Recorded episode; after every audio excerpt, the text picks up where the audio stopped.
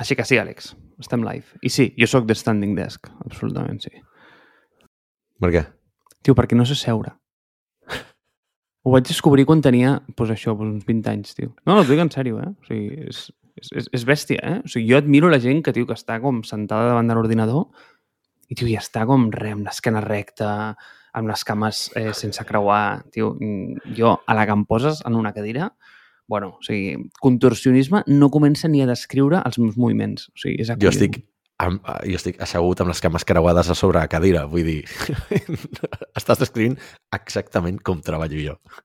Ja, tio, però és que jo crec que quan tinguem 50 anys tirem gepa, tio, i, i el genoll és una merda. Mm, mira, és... jo ja ho tinc assumidíssim, saps? Però que me quiten lo bailao. En fi, Com ho fem, Amic. això? Vinga. Això és l'episodi 1 o no, o el 0. Perquè hi ha, És el molta zero, gent, no? hi ha molta gent que li agrada el 0, eh? A mi el 0 no m'agrada, eh? Bueno, doncs escolta, eh, ens haurem de posar d'acord amb el conveni. És que, hòstia, doncs mira, vols que et digui una cosa? No, jo era de 0. O sigui, jo era de capítol 0. És a dir, tio, perquè això no, no compta com un primer, perquè ningú vindrà a escoltar-lo com a històric. I jo sempre deia que era el capítol 0. Però no. Em van convèncer del contrari, de que no, de que, de que és el capítol 1. Perquè trenca com tota la... No ho sé, com tota la logística de la numeració. És horrible. Però bueno, no ho sé. Sí, sí, si tu vols 0, jo podria tornar a agradar-me això, eh? Bueno, doncs escolta, eh, jo de fet recordo el, el primer episodi del el primer episodi de, de Safreig, crec que era un episodi zero, si no recordo malament, no? era un episodi molt meta. I, i la veritat m'agradava la idea aquesta d'explicar, ei, això és el que farem. Com que no és el mateix format, és una intro, és un capítol intro, però a la vegada també hi ha el contingut i és suficientment interessant. Tio, doncs deixa'm que et contradigui, eh? Per què no? O sigui, el primer capítol de Safreig, jo li volia dir zero, i òbviament, tio, doncs, eh, Ramon es va imposar, i, i es va dir 1. Anava a dir, Marc, perdona, estem ja gravant. Sí, jo crec que sí. Vull dir, però això forma part de l'episodi? O sigui, Sí. ara igual estic fotent la pota. Sí, Fantàstic. no, jo penso que sí. Jo penso que sí. Crec que és una mica la tònica, no? Perquè igual aquí t'has de presentar o s'ha de fer alguna cosa així. Jo crec que penso que tothom ens coneix, eh? Això està bé, ja. Doncs, home, doncs potser que diguem una mica de què anirà el tema, no? D'on surt foc a terra i... Si Ah, presentar-ho. perquè es dirà foc a terra, És de foc a terra. es dirà foc a terra. I per què es dirà foc a terra, Àlex? Explica'm. Doncs, home, vam fer un brainstorming. Crec que el que buscàvem era un, un tipus de contingut proper. El que volem és apropar la tecnologia i les tendències sense massa sensacionalismes. Hem trobat que hi ha un espai molt nínxol dintre de la comunicació en català que o bé és com molt elaborada i molt per grans masses, eh, diguem-ne, el que surt a, les televisions, el que surt a les ràdios públiques, i que està molt explicada d'una manera potser molt senzilla, però també molt sensacionalista i molt a toro passat, no dient, ostres, eh, els grans canvis de Facebook, el, s'acosta al metavers, però realment molt allunyada del que és la tecnologia i de la gent que està en el sector. I després, els ultrafriquis com nosaltres, que pequem de ser massa friquis i de llenguatge massa especialitzat i que no és gens accessible. No? Aleshores, jo crec que hi ha un buit intermig de gent que és friqui, que està assabentada del tema, que treballem en això i que som uns apassionats que ens agradaria comunicar per les masses. No? O sigui, fent una miqueta l'analogia, la, la, jo crec que som com un públic de, o sigui, som una gent, nosaltres, de minories, un podcast de minories per la majoria, versus eh, potser un, l'approach que seria contrari, que és la gent que intenta abarcar a tothom, però realment s'acaben convertint en molt nínxol perquè ningú els suporta o perquè no saben explicar-se. No sé si no sé si he explicat bé la idea. Jo és que crec que hi ha com... Bueno, abans que res, tu saps per què ens diem foc a terra? Ens diem foc a terra perquè tu has dit que vam fer un brainstorming i vam començar a pensar noms. Doncs, pues, eh, que sàpigues que he fet una mica de recerca jo del foc a terra. I saps d'on ve la idea? És acollonant, eh? Digues. T'explico, Àlex, t'explico. A nosaltres ens agrada aquest concepte de foc a terra perquè replica una mica aquesta idea de, del fireside chat, no? És a dir, dos paios parlant així a la, amb la llar de foc. És una que... No sé per què a, a mi em dones molt respecte, tu, a l'hora de fer un podcast, perquè, cony, vull dir, crec que ets un tio molt bregat en, en l'espai, sí o no? Sigui, això és algo que, tio, que tu això és com anar pel rebedor de casa. És a dir, de fet, ara em deies, no, tio, jo ja vinc calent que... Mai millor dit. Eh, jo ja vinc calent que n'acabo de gravar un. I jo pensava, hòstia, cabron, tio, jo he portat tot el puto dia per casa sense fotre l'ou, saps o no? De fet, si és això, avui tinc dia de gravar-ne dos, per Mars Based, aquest i després fer dos o tres intros també, vull dir que realment... No, no, no, no és veritat, m'he oblidat de... M'he deixat l'explicació a la meitat, o sigui, la part del, del, del foc a terra, crec que hi ha de les dues vertents, el que deies tu, del, de, de buscar amb l'ambient aquest al Fireside Chat, que al final és el tipus de conversa informal que, que es practica molt als Estats Units, en esdeveniments tipus Startup Grind, per exemple, que són conversa orgànica, que es podria dir al costat de la, de la llar de foc, perquè foc a terra, i aquí ve la segona part de l'explicació, foc a terra és com se li diu la, la llar de foc més per la part de Lleida.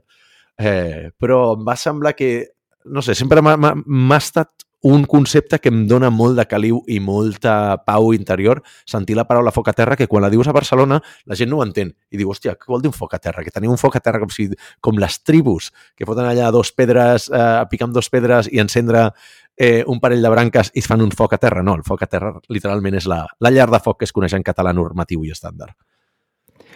Oh, que correcte, normatiu i estàndard, m'encanta. També diré una cosa, eh? I, tio, és que no t'he donat la recerca i està allà. El concepte Fireside Chat apareix, super interessant, eh? de la mà de Roosevelt, que va ser el, el eh, president número 32, no sé com es diu 32è en català, igual es diu 32è, no ho sé, però... 32è, 32è. Doncs va ser el 32è president dels Estats Units, val?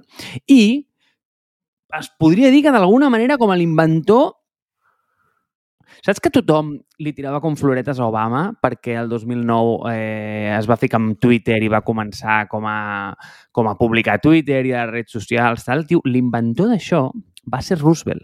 Va fer com una sèrie d'aparicions de ràdio que es deien, val. fire, que es deien Fireside Chat, val? o sigui, com, tio, amb, amb, amb ell, vale? i és un paio que literalment va, va agafar i va començar a parlar als americans, entre el 33 i el 44, va fer com 50 aparicions a la ràdio on explicava un tema molt familiar amb els americans. I va explicar temes, doncs jo què sé, tio, eh, sobre la Gran Depressió, va, eh, parlava de la recessió, de totes les iniciatives aquelles del New Deal, tota aquella merda que feien, que eh, feien forats al terra i els tornaven a acabar per tot el moviment econòmic que va promoure Keynes, totes aquestes merdes, no?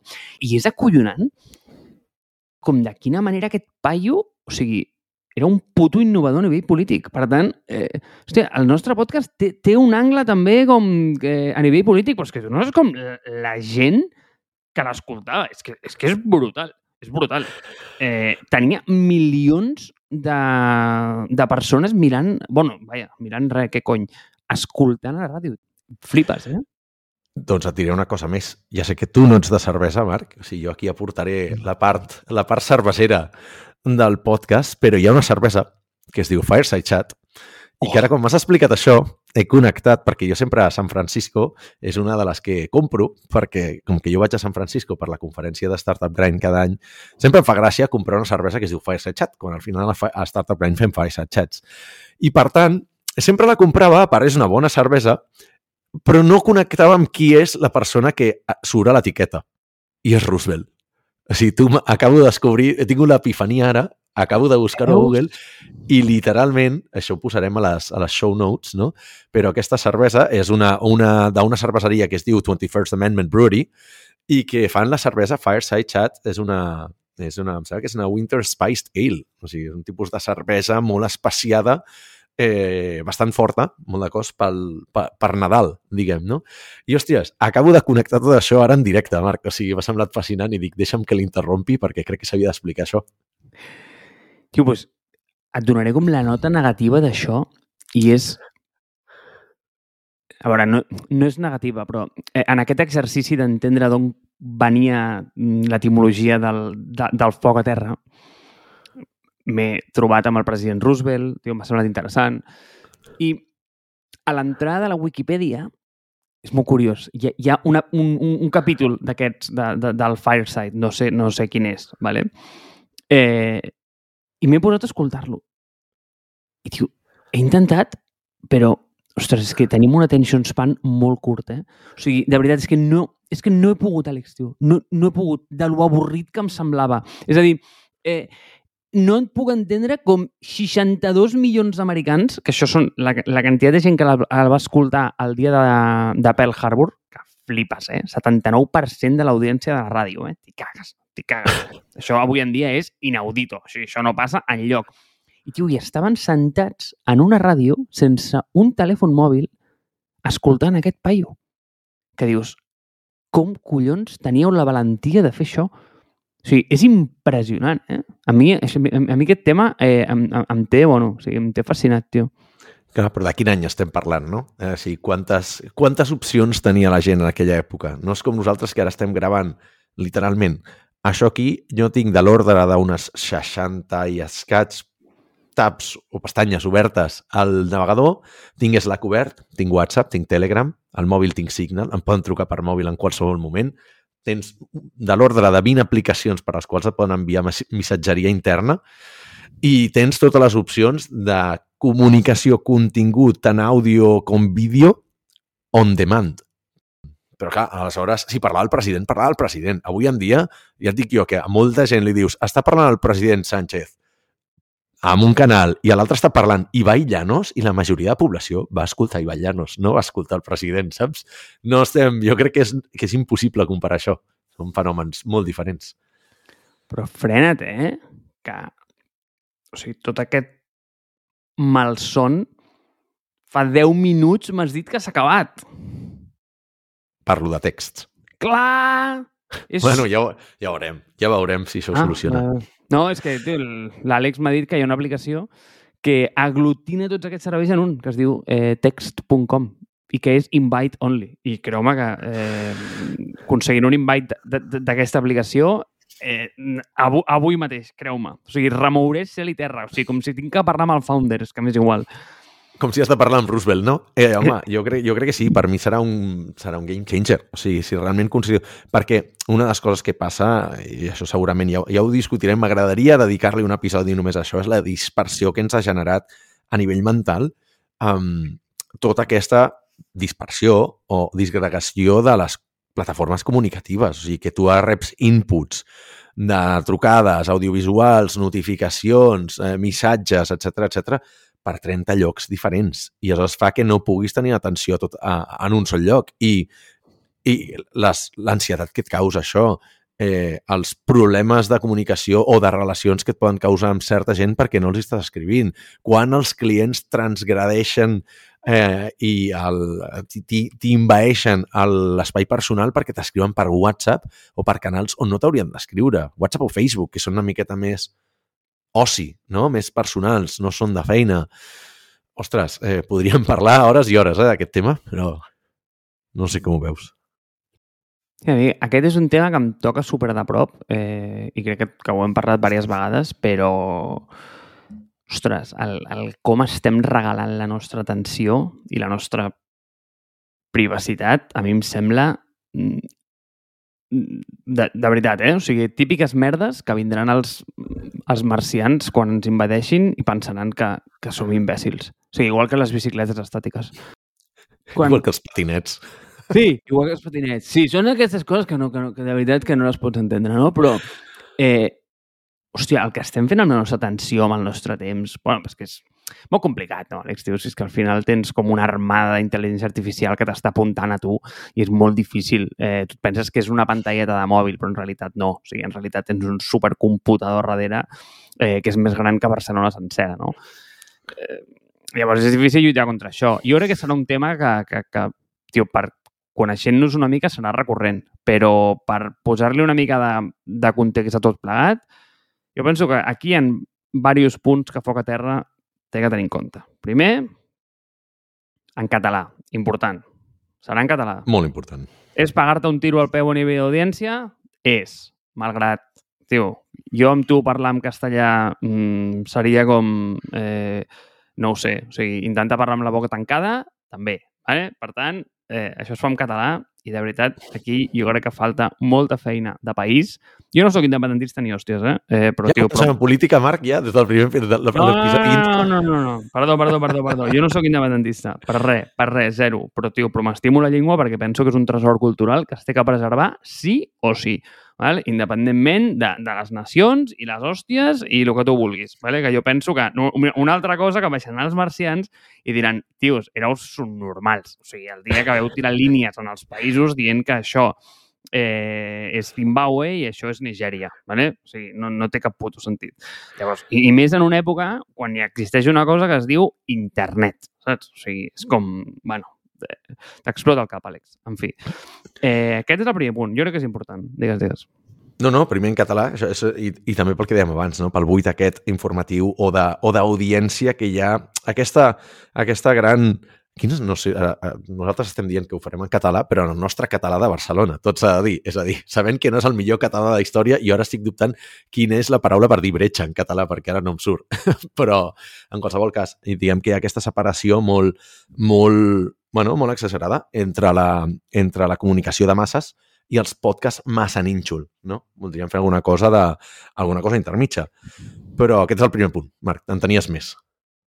Sí, i estaves buscant la paraula escletxa, crec. Escletxa, correcte. Sí. sí. Direm bueno, direm vale, direm bretxa, direm moltes coses incorrectes en català, ja farem esforços per corregir-ho, però en qualsevol cas, eh, no sé, molt contents de poder, jo, sobretot a títol personal, que no feia res en català a nivell de, a nivell de negocis o a nivell de tecnologia, ho trobo essencial, perquè crec, jo sempre crec que si no hi ha exemples, si no hi ha rols, si no hi ha models, no hi ha gent que el segueixi. I, per tant, d'alguna manera m'agradaria que en foc a terra, i, igual que segurament nosaltres tenim els nostres referents, d'aquí uns anys surti algú i digui, ostres, eh, jo em vaig inspirar perquè vaig sentir el de foc a terra i igual el que deia, cadascú tenim els nostres referents, com jo segurament ja coneixeràs que tinc com a referent la gent de la, de la sotana, o igual he tingut programes de ràdio que, que m'agraden molt, com la minoria, eh, la minoria absoluta, la segona hora, la competència, que crec que han fet un gran treball per la llengua, doncs m'agradaria contribuir un petit granet de sorra que es digui Foc a Terra. Sí, tio, però és que jo penso que és important, no?, al final, perquè és que no hi ha ningú que... És el que tu dius, tio, no hi ha ningú que estigui acostant eh, la tecnologia i el que està passant en el món. És brutal el que està passant en el món. I, i saps què passa? Que moltes vegades és allò de que, tio, com que la teva realitat es converteix com en el nou normal i, i tu perceps com moltes coses de les que passen com coses que són, bueno, pues, tio, eh, normal, no? Vull dir, tio, el, el, que, el que et passa pues, eh, pel matí quan et lleves, no? Eh, I per molta gent no ho és, saps? Eh, a mi em passa en el món eh, on, on navego, no? De, de, de, de la tecnologia i, i ho veus. Eh, coses que per a tu passen com, com el dia a dia no és el dia a dia de molta gent. I, i crec que apropar aquesta realitat a les persones i a la societat de veritat, crec que és... I, I no me les vull donar de que no, això és una tasca que hem de fer nosaltres perquè jo, a mi em van posar al món per fer això. No, tio, em van posar al món per, eh, per fer poques coses. Però, ostres, eh, i, i sí, i no soc un gran comunicador i, i per això em fa molt respecte eh, començar a gravar amb tu perquè, tio, o sigui, jo quan penso en un storyteller i una persona eh, tio, el showman del, del, de l'Startup World, a mi em sembla que ets tu. Eh, per tant, jo tinc molt respecte en aquest sentit. Però, però em fa il·lusió, tio, em fa il·lusió com, com apropar això a la societat. Crec que és una, és una tasca interessant, de veritat. M'estàs tirant moltes floretes, Marc, i estàs posant molta pressió, però hi ha un concepte que no sé si coneixies, i ara aquí pecaré una miqueta de, de voler improvisar amb aquest tema, però no sé si sabies que la, la gent, que els políglotes, eh, som gent que tenim múltiple personalitat i cada una està associada a l'idioma que parles. I precisament em considero molt més obert i molt més molt millor comunicador, per exemple, molt més extrovertit i una miqueta pallasso, si tu vols, a sobre l'escenari, quan faig els esdeveniments de Startup Grind, pel fet que estan en anglès.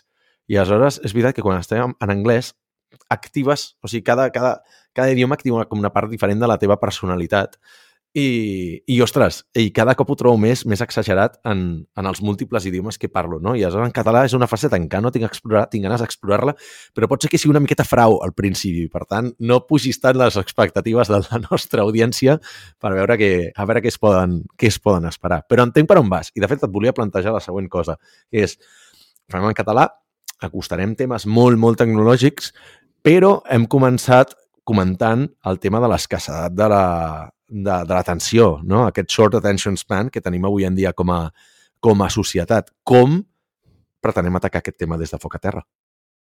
És una gran pregunta, aquesta, eh? Sense pressió, eh, Marc? No, no. Sí, tranquil. Tu tira preguntes així improvisant, no? Per deixar-me en ridícul. No, és interessant. doncs, a veure, primer de tot, expl explicant-ho, eh, crec que és important eh, educar a la societat en què estàs donant a canvi de la teva atenció quan utilitzes segons quins serveis i, i com, d'alguna manera, l'economia promou aquest tipus d'intercanvis. Eh, crec que aquest punt és important, però el segon és, diu, com ho promovem des de foc a terra? Crec que és fent episodis curts, no direm intensos, perquè és que jo quan penso en tu, Àlex, penso... Saps allò com que quan penses amb la gent sempre tens com una imatge mental d'algú? Jo quan penso en tu, saps què veig? Veig a l'Startup Grind, fill. No sé per què. O sigui, et Home, veig com... Hem de fer un esforç per, per treure'm del marc mental de Startup Grind i jo tu de treure't de safareig. Vull dir que... No, però, però, no, però no a l'Startup Grind, o sigui, com, com parla... No, no, et veig com eh, en un fireside side chat d'aquests. O sigui, de fet, et veig com amb un guest eh, en, en, en, un, en un escenari amb molta gent mirant-te. O sigui, mi, ve, veig això amb tu quan penso en tu, penso en l'Àlex. No, no, miro, no veig l'Àlex darrere el micro com ara, eh, o no veig, eh, no sé, mai t'he vist darrere un ordinador, crec. És interessant, això, eh? És, és curiós perquè malgrat que a mi, diguem, les factures me les paga una altra empresa, una startup grind, precisament, ja, segurament ja, ja, ja explicarem aquest tema una miqueta més, més endavant. Oh. Eh, clar, al final, la gent, amb la, aquesta escassetat d'atenció que tenim a nivell, de, a nivell de societat, la gent et recorda més per on t'ha vist, no? O sigui, molta gent m'ha experimentat a mi en un startup grind, diguem, però la feina que faig, que és molt menys visible, no? és l'agència la, la, que jo vaig crear, que és Mars Based, la coneix més poca gent, perquè al final és un treball més de back office, és un treball menys visible, i en canvi els esdeveniments de Startup Grind, doncs, fem conferències, fem esdeveniments, ve públic, és, eh, ve premsa, ve gent famosa, per tant, clar, molta gent em coneix més per això, tot i que jo pago per estar a Startup Grind, a mi no em paguen, no? Eh, però la gent es queda amb aquesta cobla, no? I diu, ah, però em sona que igual tens una altra empresa. Dic, no, no, només, només en tinc una i no és Startup Grind, precisament. Però és un dels temes que tenim a nivell de societat, no? Estem en tants llocs, com comentàvem abans, parlem amb tanta gent que crec que els, els nostres cervells no estan capacitats, no estan dissenyats per poder mantenir tants tipus de relacions i tanta informació de tanta gent. A mi costa molt retenir, però molt retenir no com quan érem petits, que no sé si te'n recordaràs tu, Marc, però de petit te'n sabies els noms i cognoms de tota la gent de la teva classe, els números de telèfon, on vivien i te'ls coneixies superbé. Jo, de fet, encara me'n recordo els noms, inclús alguns telèfons de la gent que anava amb mi a classe a primària, però avui en dia és que només em sé el meu número de telèfon i el de ma mare perquè és molt fàcil.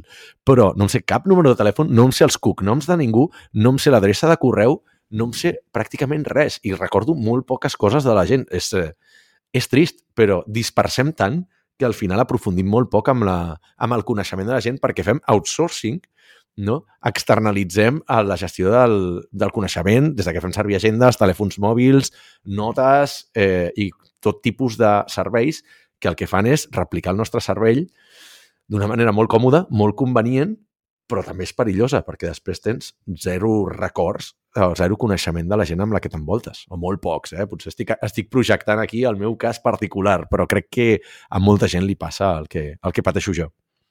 No, no, absolutament. I hi ha un... Bueno, mira, lo, del, lo de la ràdio, lo del president Roosevelt, tio, no he pogut eh, escoltar més de 5 minuts. És que estava avorrit tio, t'he agafat el mòbil, eh, m'he anat a fer un cafè. Vull dir, no, és que no sabia què fotre, saps? Vull dir, eh, necessitava com una activitat semidistreta per, per poder superar allò. I no he pogut, he tingut que deixar. Eh, hi ha un llibre, tio, que a mi sembla com interessantíssim, que es diu Amusing Ourselves to Death. És brutal, ¿vale? o sigui, divertint-nos fins a morir. Eh, on bàsicament explica això i, i explica pues, és, que, és, és que la part interessant és que aquest llibre és dels anys 80 i, i diu una cosa molt interessant que, bueno, si tu has vist Orwell, eh, la, la, la, la pel·lícula de, de, de, de 1984, bàsicament com el, com, com et diria, com l'amenaça que projecta és que tinguis com aquesta eh, ente de censura que bàsicament t'està dient què és el que has de fer. Mm, bueno, o sigui, com restringint les llibertats a un nivell molt bèstia, no? Doncs bàsicament, ell posa com el cas absolutament contrari i és, no, no, o sigui, el, el problema no ve de la restricció, sinó que el problema ve bàsicament de que tindràs com aquest bufet d'entreteniment a nivells tan bèsties que eh, és a dir, ja no necessitaràs ningú que et digui el que has de fer, sinó que, tio, o sigui, eh, hi haurà el món, saps? Wall-E, has vist la pel·li de Disney? No l'he vist. No, no. Igual que tu no ets de cervesa, Marc, jo no sóc de pel·lis ni de sèries. O sigui, literalment pillaré zero referències cinematogràfiques, ja ho saps, això. Mm, pues res, tio. A Wall-E hi ha un moment on els porten en una nau espacial, eh, els foten en una camilla, mm, els enxufen unes ulleres de VR i, tio, i els diuen, nano, a divertir-se i no es mouen de la camilla. I evolutivament evolucionem per deixar de tenir braços eh, i estar molt, molt gordos. I són bàsicament com unes espècies de pilotes molt lletges. Però, bueno, en fi. Estàs dient que tenim massa llibertats i massa diversió, Marc? Estic dient que tenim massa diversió. Massa llibertats. No, massa llibertats, no. Tinc moltes opinions sobre la llibertat i les concessions que estem fent en els, en els estats eh, perquè, tio, facin el que vulguin amb les nostres llibertats personals amb l'excusa de que hi ha una pandèmia, que sé que, que hi ha i és molt greu, però crec que hi ha coses que també m'agradaria parlar d'això. Algun dia parlarem d'això, em sembla interessant aquest tema. I algun dia parlarem d'això, però eh, suposo que ens anem acostant al que és el final de l'episodi, no? perquè hem dit que faríem sí. episodis curtets. Sí. Uh, estem acostant-nos a la mitja hora. Volem transmetre, volem fer episodis digeribles, volem fer contingut lleuger, volem que sigui un acompanyament, no? Aquesta, aquesta, aquest caliu que ens aporta el, el foc a terra, que sigui... Jo els podcasts sempre els, els tinc com a companys de viatge. És a dir, jo mai m'assec a casa i m'escolto un podcast, sinó que sempre me'l poso de fons, com qui sent no? com qui sent el tràfic passar, com qui sent la pluja fora, doncs una miqueta aquest acompanyament, eh, crec que en foc a terra és la intenció que tenim. Jo me'ls poso anant cap, al, cap, a, cap a alguna reunió mentre camino o mentre condueixo, me'l poso quan sóc al gimnàs, quan faig feines a casa, és com, una, com un acompanyament molt familiar i aquest sentiment de caliu volem que, que ens el doni. I en aquesta mesura intentarem fer-ho de manera periòdica, episodis més o menys curtets, lleugers, i el més accessibles possible per a un públic que estigui tan apassionat com nosaltres en el món de la tecnologia i les tendències. Ei, m'ha agradat aquest resum que has fet, eh? Així que... Ha estat completament serà... improvisat, eh? No, no, ha estat bé, ha estat bé. O sigui, així com si li poséssim bullet seria en català, ràpid, és a dir, 20-30 minuts, no volem gastar gaire del teu temps, semidistret, és a dir, que no requereixi tota la teva atenció, t'apropa la tecnologia, a casa, en català, i m'ha agradat aquest concepte de caliu, eh? M'ha agradat aquest concepte de caliu. Com de, sí, és que, hòstia, tu ets un tio càlid, Àlex. Sí, un tio proper, hòstia.